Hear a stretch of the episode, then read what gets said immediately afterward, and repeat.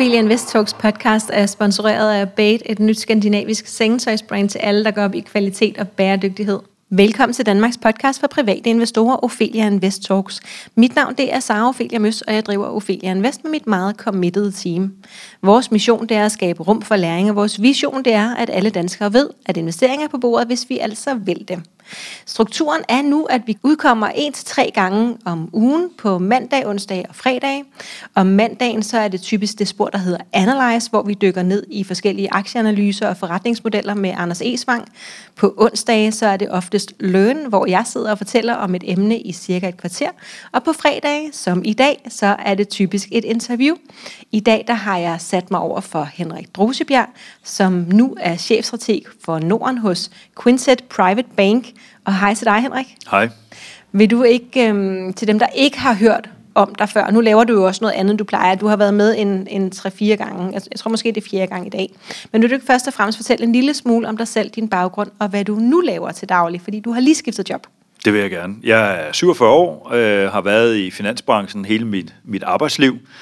Startede som bankelev i Unibank i tidernes morgen, og blev sidenhen strateg i Nordea, og så i Carnegie, og så med et ganske kort ophold i Danske Bank. Og så er jeg her øh, 1. maj startet i Quintet. Ja, øh, der var jo mange af os, der troede, at du ville blive hængende i Danske Bank. Øh, måske ikke for evigt, men i mere end et år. Ja, det havde jeg jo selvfølgelig også selv troet, da, ja. jeg, da jeg sagde ja tak til, øh, til jobtilbuddet. Men øh, det er jo heller ikke nogen øh, hemmelighed, at Danske Bank er i en situation, hvor de er i gang med at lave rigtig, rigtig mange ting om. Og jeg må nok bare erkende, at, øh, at tiden var ikke rigtig for, for mig øh, og for at blive en del af, af Danske Bank. Der var stadig for mange omvæltninger i gang, der gjorde, at, at jeg synes, at mit område måske ikke helt var øh, i det fokus, som, øh, som, som jeg synes, der er behov for, hvis man skal udvikle det ordentligt. Så, øh, så det blev et kort ophold. Ja, og, øh, og hvad er så Quintet Private Bank?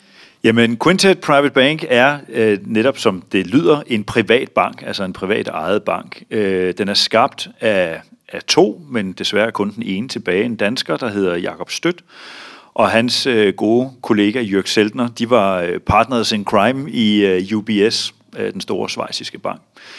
Men blev ligesom mange andre finansfolk, tror jeg, er for tiden måske lidt øh, kvalt i storpolitik og byråkrati og regler og meget, der er besværligt, og havde en ambition om at skabe en meget mindre og mere agil bank, som kunne noget for et helt særligt segment. Og, øh, og det lykkedes øh, ved at få fat i den bankskal, der lå i, øh, i Luxembourg, der hedder KBL, eller hed KBL, og på den skal har man bygget Quintet, som er en relativ ny bank, men bygget på en meget gammel øh, skal og, og banken laver i al sin enkelhed to gange, ja, to ting hedder det.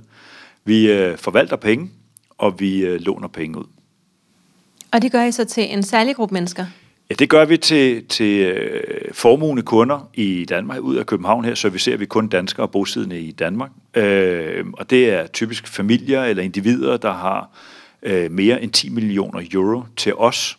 Øh, og da vi ikke kan andet end at forvalte penge og låne penge ud, så skal de typisk også jo være kunder i en eller flere andre banker. Så det er ofte formuer på en kvart eller en halv milliard og op efter, som, som, øh, som vi har med at gøre. Er der mange af dem i Danmark, tænker man så? Det er nemlig fuldstændig rigtigt, tænker man. Og, og når man så dykker ned i det, øh, så finder man faktisk ud af, at der er forbavsende mange. Men okay. det kræver faktisk ikke så meget research, fordi synes, når man slår avisen op, jeg vil ikke sige, om det er dagligt, men det er i hvert fald ugenligt, vi hører om succesfulde danske virksomheder, som enten bliver børsnoteret, ja. eller bliver øh, købt af en kapitalfond, eller købt af andre, øh, måske konkurrenter inden for, for samme felt. Så der er de sidste 10-15 år i Danmark sket en, en øh, meget stor stigning i, øh, i, i antallet af familier og individer, der, øh, der er blevet særdeles velhavende. Nu skal vi jo øh, snakke en hel masse om, øh, om sådan, øh, det generelle aktiemarked og ting og sager, men jeg bliver lige nysgerrig på en anden ting også. Tror du, der er behov for mere øh, lad os kalde segmenterede banker, mindre banker, som, øh, som går efter et, et mere målrettet publikum. Øh, jeg tænker på Lunar Bank, som også er kommet ud og, og går efter de yngre. Øh, så er der jer, går efter nogle velhavende. Øh, er, er tiden ved at være lidt passé for de store banker? Jeg ved ikke, om tiden er passé, men der er i hvert fald ingen tvivl om, at hele det øh, regelsæt, som jo er blevet strammet og og, og tilføjet i, i meget væsentlig grad siden finanskrisen. Det har gjort det tanken om det kæmpe store finansielle supermarked meget, meget tung. Øh, fordi når man som bank gerne vil servicere sine kunder på alle øh, fronter, kan man sige, jamen, så kræver det også, at banken har nogle enorme kontrolapparater mm. for at sikre, at man er i, øh, i overensstemmelse med alle de regler, der er, der er kommet de seneste 10-12 år her. Og det gør det bare tungt. Ja. Så det vi oplever for mange af vores kunder, øh, som de sætter væsentlig pris på, det er agiliteten, altså evnen til at kunne svare hurtigt, når de har et behov, øh, evnen til at kunne hive andet end egne produkter ned af hylden, øh, evnen til at kunne se løsninger, der ikke nødvendigvis passer lige ind hos os, men måske først og fremmest passer hos dem. Ja, okay, så mere kunden i fokus. Øh, det er i hvert fald... Jeg tænker, måske, at det synes de store banker måske det, også, de gør. Jeg er helt men... sikker på, at de store banker, og det ved jeg jo også, øh, kan man sige, indefra, at, mm. at de store banker har jo samme fokus. De står bare i højere grad i det kæmpe dilemma, at de skal hele tiden øh, opgradere, kan man sige, på regelsiden, og selvfølgelig også ramt af, at der har været en række uheldige sager, som man forsøger nu at komme foran kurven, i stedet for at komme bagved. Mm. Og i den proces er man måske i en periode her blevet lidt mere indadvendt øh, i forhold til sine kunder, end man har været tidligere. Ja, og, og så, så de er nødt til lige at reflektere et øjeblik over deres øh, rolle måske, ja, og det går så lidt ud over kundeservice. Ja, jeg ved ikke, hvor meget de skal reflektere over det. De har i hvert fald et stort arbejde at skulle gøre for at få ja. hele det her kontrolapparat til rent faktisk at fungere og ja. sikre, at man kan overholde alle de mange øh, love og regler, der er kommet. Og, og det har simpelthen gjort, at man har trukket noget energi og noget fokus væk fra, øh, fra øh, kundesiden. Sådan, så bliver der plads til sådan nogle andre nogen, som, øh, som jer og Luna, og lad os øh, se, om der ikke også kommer nogle flere spillere. Det kunne jeg da forestille mig. Hvad tænker du om udviklingen? Det tror jeg helt bestemt, ja. at, at vi vil se et meget mere fragmenteret bankmarked, når vi kigger, øh, kigger nogle år frem. Vi har ja. fået endnu en, en online bank nu her, på, på, alene på erhvervssiden, der går efter udlån til små og mellemstore virksomheder. Ja Øh, så jo, jeg tror absolut, det er en tendens, hvor vi vil se, at det bliver, det bliver nemmere at have med reglerne at gøre, hvis man specialiserer sig frem for at forsøge at fagne det hele. Ja, og så længe at, øh, at alle os brugere, vi, øh, vi måske alligevel tilgår banken online, øh, så bliver det måske dem, der har det smarteste interface, mest intuitive interface, der, øh, der også kommer langt. Det bliver det helt sikkert på en del af bankforretningen, mm. hvor man ikke har så meget behov for, for den fysiske øh, kontakt med en, en specifik rådgiver, mm. men vi oplever også, og det synes jeg, vi ser, vi gør inden for det område, vi har valgt at, ja. at have fokus på, at øh, kompleksiteten den kan blive øh, af en sådan grad, at det der med at sidde at kunne trække flere rådgivere ind. Ja. En ting er, at vi sidder med folk med kompetence på investering her, men det er jo mindst lige så vigtigt at have folk, der har kompetence inden for skat, øh, som er med ind over at være med ja. til at planlægge generationsskifte og ja, hele ens øh, selskabskonstruktion, inden man går i gang med at investere. Fordi ja. vi kan jo knokle løs for at lave 10% i afkast om året. Og så betale det hele skat. Men hvis man så betaler 40% i skat, øh, ja. øh, fordi man har konstrueret det på en måde, som er uhensigtsmæssigt, øh, så arbejder vi lidt imod os selv i virkeligheden. Så ja. det er det kræver en, ja, en, en bred vifte af kompetencer det inden for et meget snævert område. Ja, det bliver spændende at følge udviklingen de næste, måske bare fem år, men, men særligt 10-15 år, hvad der kommer til at ske i, i banksektoren, øh, ikke bare i Danmark, men i Norden og globalt. Helt klart, fordi, og det kan man jo godt have nogle gange lidt svært ved at få øje på i øjeblikket, at banksektoren, hvad end man kan lide det eller ej, er jo lidt ryggraden i hele økonomien. Det så vi under finanskrisen, da det gik galt, hvor, hvor risikabelt det mm. i virkeligheden er. Men jo vendt til det mere positive. Øh, så er det jo øh, kan man sige, forudsætningen for, at danske virksomheder kan blive ved med at skabe vækst og skabe nye arbejdspladser, det er, at de har adgang til kapital, kan finde fleksible løsninger hos, hos deres bank, så de kan investere og udvide, når de har behov for det. Øh, så kunne rart, hvis vi kom ind i et, i et årti nu, hvor, hvor bankerne kunne slå måske en lidt mere, øh, også i et samfundsmæssigt perspektiv, positiv tone an. Ja, on that note. øh, lad os hoppe til, til det, som er emnet i dag, Henrik. Vi skal jo snakke om, øh, om aktiemarkedet. Øh, nu sagde du selv i din lille intro af dig selv, at du har jo været strateg og så chefstrateg i en del år efterhånden, så du har holdt øje med aktiemarkedet i hvor mange år? Ja, cirka 25. 25 år ja. modtaget. Så, så det har du sådan rimelig godt styr på. Hvad tænker du sådan helt overordnet om det, der er foregået på aktiemarkedet siden pandemien lagde sig tungt over os? Det er vildt, mm. men meget forudsigeligt, synes jeg. Ja, faktisk. Forudsigeligt? Meget forudsigeligt. Mm. Øh, Den må du heller lige uddybe. Ja, men det, jeg blev jo skældt hedder jeg fuld øh, mange steder, da vi i den tidlige nedlukning øh, tillod os at ude og sige, bare roligt, det her det vender inden for en måned til halvanden. Ja, øh, det troede de ikke på? Jo, det troede vi på, men ja, det troede men, omverdenen. Nej, præcis. Og, og det er jo heller ikke så mærkeligt, fordi når man kigger ud af vinduet, så var det jo på rigtig, rigtig mange måder en vild og ekstraordinær situation, vi stod i. Lande lukket ned, motorvejene var tør. Altså alt det, vi, vi plejer at kende, det var, det var anderledes. Ikke? Men jeg synes, der var noget, som var i den grad, som det plejer at være. Ja. Og det var øh, centralbankernes svar. Vi var ikke ret langt inde i nedlukningen, før først den amerikanske centralbank kom ud og sagde, at de her berømte QE-programmer, altså kvantitative lempelser, eller på almindelig dansk sædeltrykkeri og nulrenter, så ser man Anders, øh, Anders Sand øh, for den øh, bank præcis, der for sig, ja. Præcis. Øh, som havde været svaret på finanskrisen, at det var, det var samme løsning, man trak op af hatten okay. igen. Og den her gang gik de så ud super aggressivt og sagde, at vi går i gang nu, og vi har ikke noget øvre loft for, hvor langt vi vil gå for at, øh, at redde økonomien. Øh, i Europa kom man efter det. Christine Lagarde startede lige med at få sagt noget om nogle italienske renter. Og hvem er det, hun er? Hun er chef for den europæiske centralbank. Yes. Hun, øh, hun mente ikke, at italienske renter var hendes ansvar. Hun var lidt ny i jobbet, men efter en uge og meget kritik, så, rettede, rettede så kom hun på banen og var sådan stort set lidt på en anden model, men sagde i princippet det samme som amerikanerne, og i øvrigt det, der så blev gentaget for centralbanker verden over, at man vil gå all in i et forsøg på at løse det her. Mm-hmm. Og hvad der så var ret nyt denne her gang kontra finanskrisen, det var, at øh, verdens regeringer, selvom de tilbage under finanskrisen blev enige om, at der er alt for meget gæld, så vi kan ikke øge landets gæld for at forsøge at få gang i økonomien. Så mente man godt, at man kunne den her gang, på trods af, at landenes gæld faktisk er vokset en 20-25 procent siden 2008.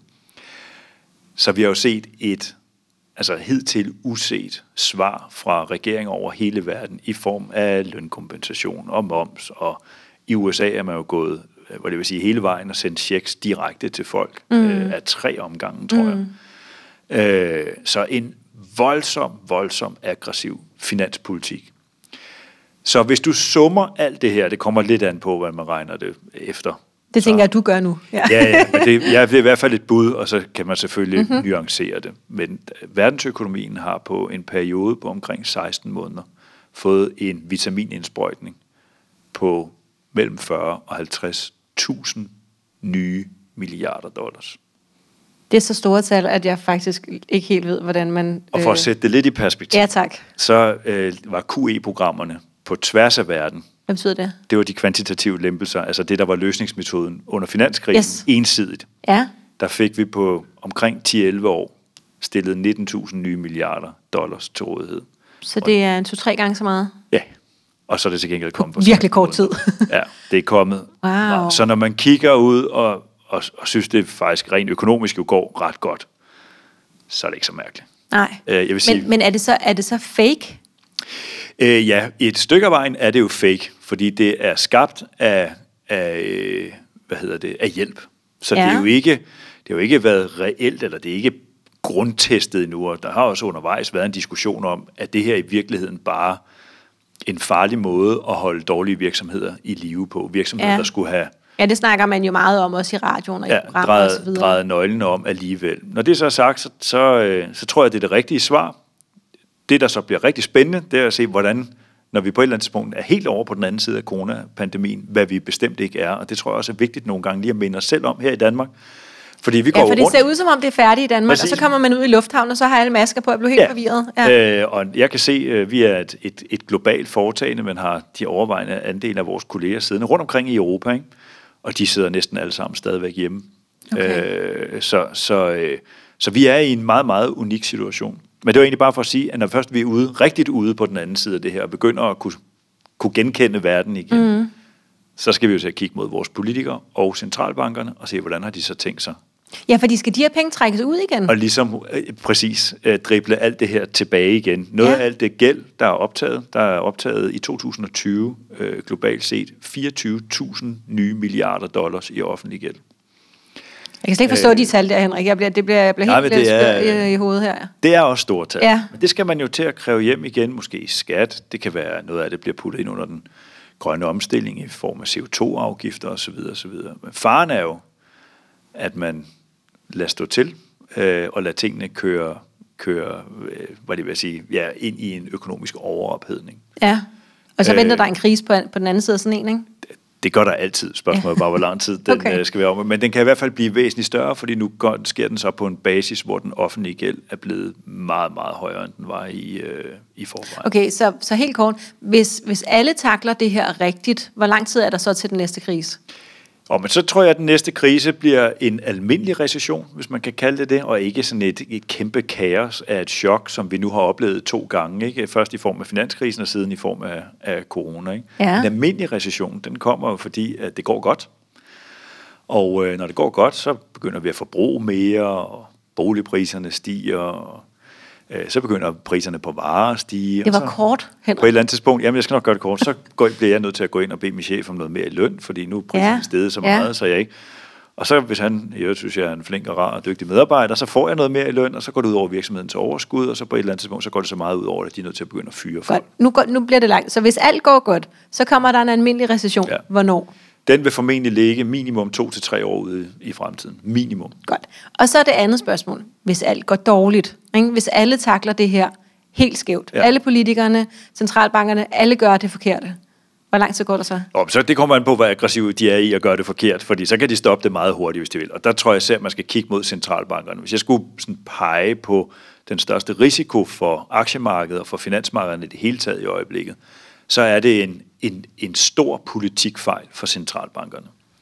Både den amerikanske og den europæiske centralbank har været ude at sige her i kølvandet på sommerferien, at øh, vi begynder at forberede os på at skrue ned for den massive hjælp, vi giver. De har ikke Okay. sat dato på endnu, og de har ikke sagt, hvor meget. Nej, det er meget blødt. En meget, det er meget blød formulering. Ja. Men det er ligesom for at vende os alle sammen til, at øh, Det hele vej. det der sædeltrykkeri, der kører, den amerikanske centralbank for eksempel, forsyner os jo stadigvæk med 120 nye milliarder dollars hver måned. At det skal vi nok indstille os på, at det inden årsskiftet bliver lidt mindre. Det bliver Okay. ikke slukket, men det bliver mindre. Mindre, yes. Det kan være, det bliver 100, det kan være, det bliver 80, det kan være, det bliver 90, det ved vi ikke. Okay. Men det bliver i hvert fald mindre. Og det er jo sådan det første led i, at nu er man ved at være ude på den anden side, og så begynder man at trække noget af, af hjælpen tilbage. Og det ultimative skridt i den retning er jo så også, at man begynder at hæve renterne fra nul.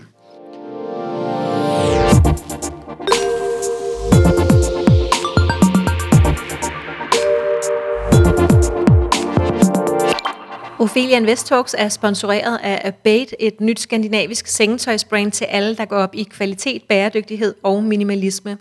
Abate er skabt af piloterne Christian og Leo, der efter at have sovet på hotel over hele verden, var skuffet over kvaliteten af det sengetøj, de mødte på deres vej. De trak i iværksættertøjet og udviklede Abate, en utrolig smuk serie sengetøj lavet af håndplukket egyptisk bomuld. Sengetøjet er tyndere og blødere end almindelig sengetøj, men stadig mere holdbart. Og så er det hele økologisk certificeret. Vævning og syning foregår i Portugal, og de to piloter har stor fokus på korte produktionsruter. Hvis du bruger rabatkoden Ophelia, så får du 15% rabat på hele serien. Jeg vil opfordre dig til at gå ind og tjekke deres meget smukke og inspirerende Instagram-profil ud. Okay, så stop øh, pengepressen, hæve renterne. Når det sker, og det kan vi jo alle sammen holde lidt øje med, Ja. øh, når det sker, så er der en recession på vej. Nej, så er der en risiko for en recession, hvis okay. De gør det for tidligt. Så hvis Okay. han nu kommer ud i morgen og sagde, nu skal jeg her, jeg synes faktisk, det går så godt, så vi slukker for Ja. ja. sædeltrykkeriet med det samme, Ja. kører fra 120 til 0, Ja, og så skal I regne med, at renten fra 1. januar stiger. Så er jeg ret sikker på, at vi får en recession i løbet af meget kort tid, fordi så Februar. langt, så langt er vi ikke ude af det her endnu. nej, okay. Men hvis de er stille og roligt og får tempereret det rigtigt osv., så, videre, så er der en god chance for, at man kan lande det her blødt. Så alt mellem næste sommer, altså et halvt år og tre år, afhængig af, hvor godt de tankler øh, de næste år, så afhængig, altså alt mellem et halvt år og tre år, så kommer der en recession, og så kan den blive bedre eller værre Ja, det tror jeg er meget forventet. modtaget. Godt. Altid.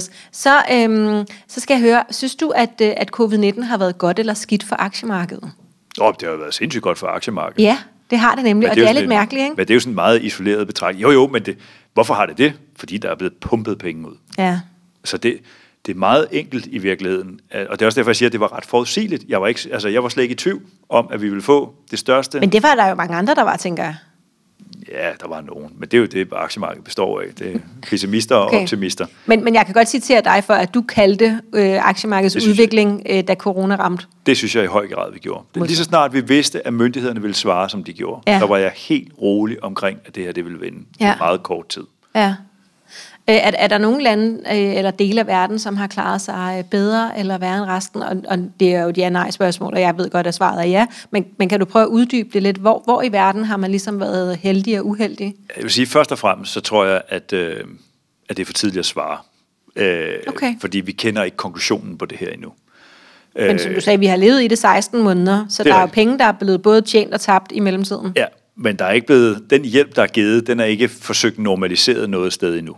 Så, så vi kender i princippet ikke slutningen på eksperimentet, hvis vi kan kalde det det. Okay. Men hvis vi skal dømme i dag, så er der ingen tvivl om, at blandt andet Skandinavien øh, står som, som noget af et smørhul. Og så er det igen, hvad, hvad skal vi dømme ud fra? Skal vi dømme ud fra, hvor hårdt sygdommen har ramt os? Eller skal vi dømme os ud fra, hvordan aktiemarkedet har klaret sig? Men begge dele er jo gået ret godt. Ikke? Præcis. Så, så Skandinavien står indtil videre ret succesfuldt. Vi har så også en infrastruktur, der er mm. noget mere velfungerende. Du ser de fleste andre steder i verden. Vi har en høj grad af tillid til myndighederne, der gør, at vi sådan rundt regnet har gjort, hvad der blev sagt. Øh, I modsætning til, øh, til, til mange andre lande. Ikke? Så indtil videre, så må man fremhæve Skandinavien. Kan, kan du lige uddybe det med, at infrastrukturen er god i Skandinavien? Hvad betyder det? Ja, det betyder, at hvis vi skal lave kviktest for eksempel, jamen så, så kunne vi få stillet noget op, Det fikser vi som lige, ja. var, ja, og som var til rådighed for alle inden Ja. for forholdsvis kort distance. Hvor du kan godt have stillet øh, øh, kviktest op, men hvis køretiden er halvanden time til et testcenter, Ja, så er det ikke så kvikt. så er det ikke sikkert, at folk øh, gider foretage den rejse Nej. på halvanden time. For, Nej. og, så, og så glipper din strategi. Så vi har en velfungerende infrastruktur, og vi gør, selvom vi har skiftende regeringer, så gør vi grundlæggende, hvad der bliver sagt. Ikke? Ja, sådan er vi så gode her i Norden til at opføre os ordentligt. Øhm, hvad, hvad, hvem er så, øh, nu sagde du, at Skandinavien øh, måske har vundet, det kan også være, det er mig, der siger det. Hvem, hvem har så tabt? Igen, lidt for tidligt at, at svare, men vi begynder at se nogle det her steder, tidspunkt. hvor det er gået, Storbritannien er det gået rigtig hårdt ud over. Men det tror jeg også er, fordi de har lagt sig lidt i en perfekt storm. Ikke? Fordi det ene er, at de er blevet ramt af, af sygdommen. Man havde rent ledelsesmæssigt fra start jo underkendt den voldsomt. Boris Johnson gik rundt på hospitalerne og trykkede hånd med alle coronapatienterne, ikke? indtil han sig selv fik en, tror jeg, hvad der beskrives som en nær, en nærdødsoplevelse ja. af, af, af corona. Ikke? Ja. Men sekundært så laver Brexit jo, som de ikke har mærket effekten af, fordi corona kom så umiddelbart efter, men hvor vi begynder at se de første ret væsentlige konsekvenser af det nu. De mangler for eksempel noget så banalt som lastbilchauffører, øh, som gør, at de kan ikke få fyldt varer. Så deres på- infrastruktur, den, øh, den fungerer sejler ikke særlig nu. godt. Ja. Og, og det vil blive, jeg tror bare, at det vi har set nu med benzin øh, her de seneste uger, og til dels til fødevarer, dem, der ikke lige ved, hvad der er foregået med benzin i Storbritannien. det er tankstationer er løbet tør, og det er ikke fordi Storbritannien er løbet tør for øh, benzin. Den ligger bare i nogle store tanke rundt omkring, men de har ikke øh, chauffører til at køre den rundt i landet og få den ud på tankstationer. Ligesådan begynder det at se ud med rigtig mange fødevarer faktisk. Øh, men det er, jo, altså, det er jo ikke raketvidenskab. Øh, hvis vi prøver at flytte det der eksperiment hjem til Danmark og sige, vi, vi lukker grænserne og sender hovedparten af de østeuropæiske arbejdere ud af Danmark, som vi har, så kan jeg godt afsløre, at så vil byggeriet, restaurationer, hoteller, stort set al rengøring, øh, meget stor del af servicebranchen, en meget stor del af transport, det vil stå fuldstændig Og er det det, Storbritannien har gjort? Det er præcis det, de bliver Ja, ramt nu.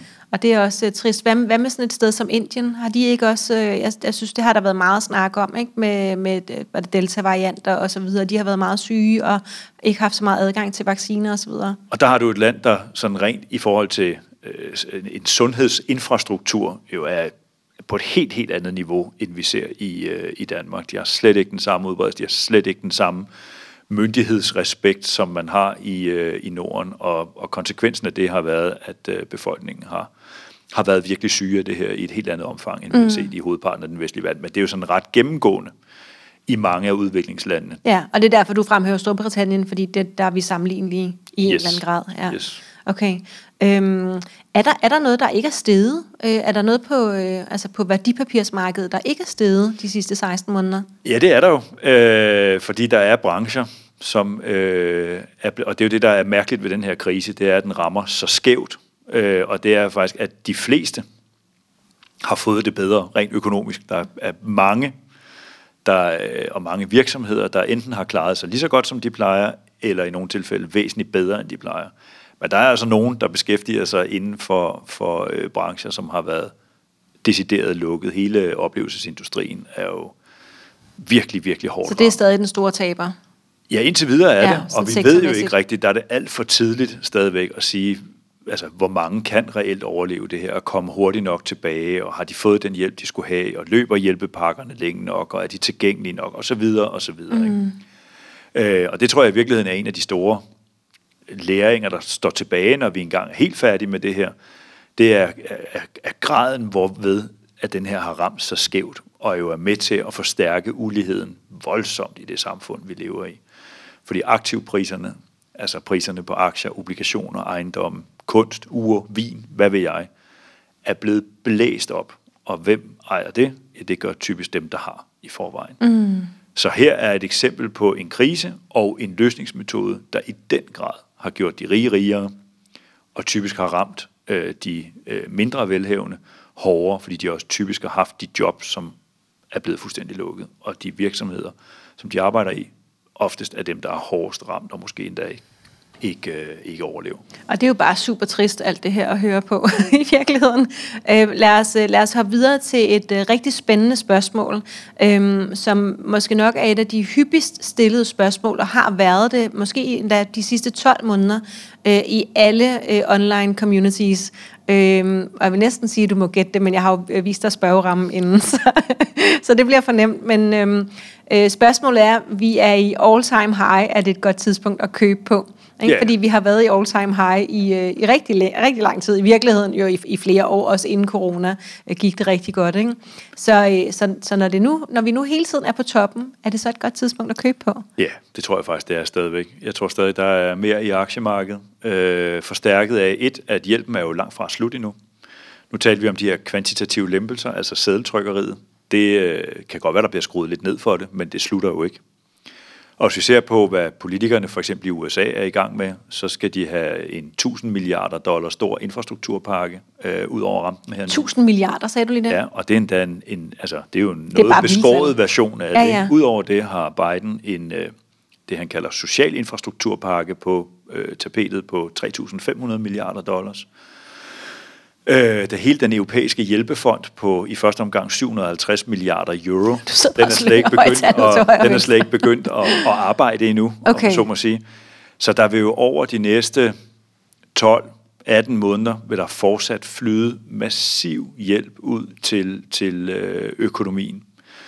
Så øh, ja, jeg tror stadigvæk, at der vil være øh, luft i aktiemarkedet. Så er det hjulpet af en anden ting. Hende har vi kaldt Tina i mange år efterhånden. Mm-hmm. Forkortelsen er There is no alternative yeah. øh, i en verden, hvor øh, obligations, eller hvor, undskyld, hvor renterne er nul, inflationen er stigende, og det er ikke særlig sjovt at ligge i almindelige øh, statsobligationer eller realkreditobligationer. Øh, rigtig mange af de lidt mere eksotiske investeringer kan ofte være svært tilgængelige. De er illikvide, nogle gange kræver det større beløb, hvis man skal ind øh, og være med, ellers kan man blive nødt til at investere ind i fonde, hvor omkostningerne kan være meget, meget høje. Ja. Så, så jeg tror, der er rigtig mange investorer, der hver gang de bliver skræmt over et eller andet, om det er Evergrande eller en gældsnedlukning i USA, eller hvad det nu måtte være, så sælger de måske nogle aktier, stiller sig på sidelinjen, og står de og kigger og siger... Men det stiger stadig. Der var alligevel ikke nogen recession lige rundt om hjørnet. Nej så mit eneste alternativ er i virkeligheden at købe nogle aktier. Ikke? Ja, okay. Og det, øh, det tror jeg ikke det alene, fordi vi ser jo altså også nogle virksomheder, der laver nogle fantastiske resultater måned ja. efter, eller undskyld, kvartal efter kvartal. Jeg havde jo håbet, at du måske også ville pointere, at hvis man er langsigtet, så er det altid et godt tidspunkt at være i markedet. Er det ikke også rigtigt? Jo, men jeg vil sige, timing kan gøre ondt. Øh, kan det det? Hvis, ja, for du kan købe, som, altså dem der købte øh, sidst i, eller undskyld, lige starten af år 2000, og hvis man havde sat sig lidt tungt inden for tech dengang, så kunne der altså være rigtig, rigtig, rigtig lang vej hjem. Øh, så, så, så det, altså man er nødt til at sige, jeg er helt enig, al læring viser, du skal være langsigtet. Vi har jo snakket om lump sum versus yes. dollar cost averaging tidligere. Men nogle gange, så, så kan det også kræve, at du er så langsigtet, at du mister altså, lidt mod og, og tålmodigheden undervejs. Okay. Det tager dig 10 år at komme hjem igen, fordi ja. du virkelig har ramt en top, og måske også inden for det gale segment. Så øh, ja. Ja, så, så i virkeligheden, hvis man, hvis man bare bruger dollar cost averaging, som jo handler om, at vi køber øh, lidt ind hele tiden, øh, så er det aldrig det forkerte tidspunkt, vel Henrik? Nej, det er Godt. fuldstændig rigtigt, men det er jo ikke alle, der har løbende likviditet nej, til at købe nej, ind hele tiden. Nogle gange kan det være ligesom den opsparing, man har, man ja. investerer, og så skal den helst gerne udvikle sig positivt. Men så starter med at tage et, et dyk på 20, 25, ja. 30 procent. Og vil du, så, vil du så ikke også sige, at det er smart at tage sådan en opsparing og lige dele op i måske øh, over 6 måneder, 12 måneder? Jo, vi er jo mennesker, og vi er udstyret ja. med følelser, og det er nogle gange rigtig besværligt. Og ja. derfor kan du sige, tekstbogssvaret til dit spørgsmål, det er, skal jeg bare købe det hele på én gang? Jamen det, ja, det er det, fordi jo længere tid i markedet, jo større sandsynlighed er der for et positivt afkast. Ja. Men i og med, at vi mennesker har følelser, så kan der være noget fornuft i, at man deler det op i nogle portioner. Det, man bare skal passe på, det er, at hvis man nu køber nu, ja. og siger, jeg er bange for, at jeg er på en top, så jeg køber kun for noget. Så om tre måneder, så skulle man købe for den næste portion, så er ja. toppen endnu højere. Ja. Hvis det så får en til at stoppe, så man ikke får eksekveret, og i virkeligheden ødelægger sin egen strategi, ja. Så kan det blive rigtig svært. Og så er vi tilbage til nummer et råd, som I alle sammen er enige om. Heldigvis, han plan. Ikke? Ja. Hans strategi. Og and stick to it. Ja, det, og det er den svære. Det er igen det med følelserne der. Yes. Vi var jo slet ikke færdige med tiden er ved at, at løbe ud her, så, så kan vi tage prøve nogle korte svar. Øh, du har så meget, øh, og jeg vil ønske, at vi kunne snakke sammen meget længere tid. Øh, hvordan udvælger man den rigtige aktie? Så kort som muligt. Ja, men nu sidder jeg jo ikke med enkelte aktier, men det gør man jo ved at lave en totalanalyse. Det vil ja. sige, man er nødt til at se på, jeg synes en helt banal grund, det er, har vi med et selskab at gøre, der fundamentalt set, sådan helt basalt sund fornuft, er i medvind eller modvind. Okay. Har du den politiske vilje, befolkningens mm. vilje, hvad vil jeg, bag selskabets produkt eller produkter, eller er det et produkt, der er grundlæggende i modvind, fordi tiderne forandrer sig, teknologien forandrer sig, eller den politiske holdning har forandret sig. Det synes jeg er sådan en grund. Når du så er forbi det, så er man nødt til at gå ind og forholde sig meget mere aktivt til det enkelte selskab. Hvordan ser deres regnskaber ud? Hvordan ser deres beskyttelse ud over for konkurrenter? Hvor stabil er deres ledelse? Hvad er det for en bestyrelse, de har bagved? Hvad er kontinuiteten i det, de går og laver? Og så, videre. så det er, altså, man skal bare hele vejen rundt, og man ja. skal huske, en rigtig, rigtig dygtig aktieanalytiker i en professionel bank dækker 5-8 selskaber. Så og så private sidder vi investorer, private investorer og jonglerer 30 aktier og ja. tænker, at vi kan holde øje med dem. Så hvis jeg skulle ja. komme med et råd, så køb noget indeks, der dækker det brede marked, få det billigt, noget globalt, et eller andet, og så vælg dine darlings til på ja. siden. Det er en god måde at gøre det på, hvis du selv prøver at sidde og bygge op 25, 30, 40 enkeltselskaber, så det eneste, jeg kan sige med sikkerhed, det er, at så ved du ikke, hvad du har investeret i. Godt, så det eneste sted, hvor at det er tilladt og øhm, kun godt, øh, at vi har darlings på siden, det er aktiemarkedet. Nej, det kan du også godt have på obligationsmarkedet. Jeg prøvede at være sjov, Henrik. Nå, det må vi jo ikke måde. gøre i vores ah, privatliv. Det var fordi darlings lød så pænt. tiden er gået. Øhm, ah, tiden er gået. øhm, aller sidste spørgsmål, fordi jeg tænker, nu, nu sagde du, at øhm, det er vigtigt, at vi, øhm, vi kan godt komme til at slå os, hvis vi timer markedet forkert. Hvis vi nu gerne vil prøve at være lidt smarte, hvor er det så, vi skal kigge hen? Øhm, at, var det, som du sagde, øh, renten? Når renten den bliver sat op, og pengepressen den stopper, der skal vi være lidt opmærksomme. Det er, tror jeg, et af de store breaking points. Og, det, og nogle gange kan det også bare være det, de siger omkring det. Så de taler, de møder, der kommer her de kommende 3, 6, 12 måneder fra centralbankerne, det tror jeg bliver de absolut vigtigste for, for øh, finansmarkederne. Øh, fordi, I mange år?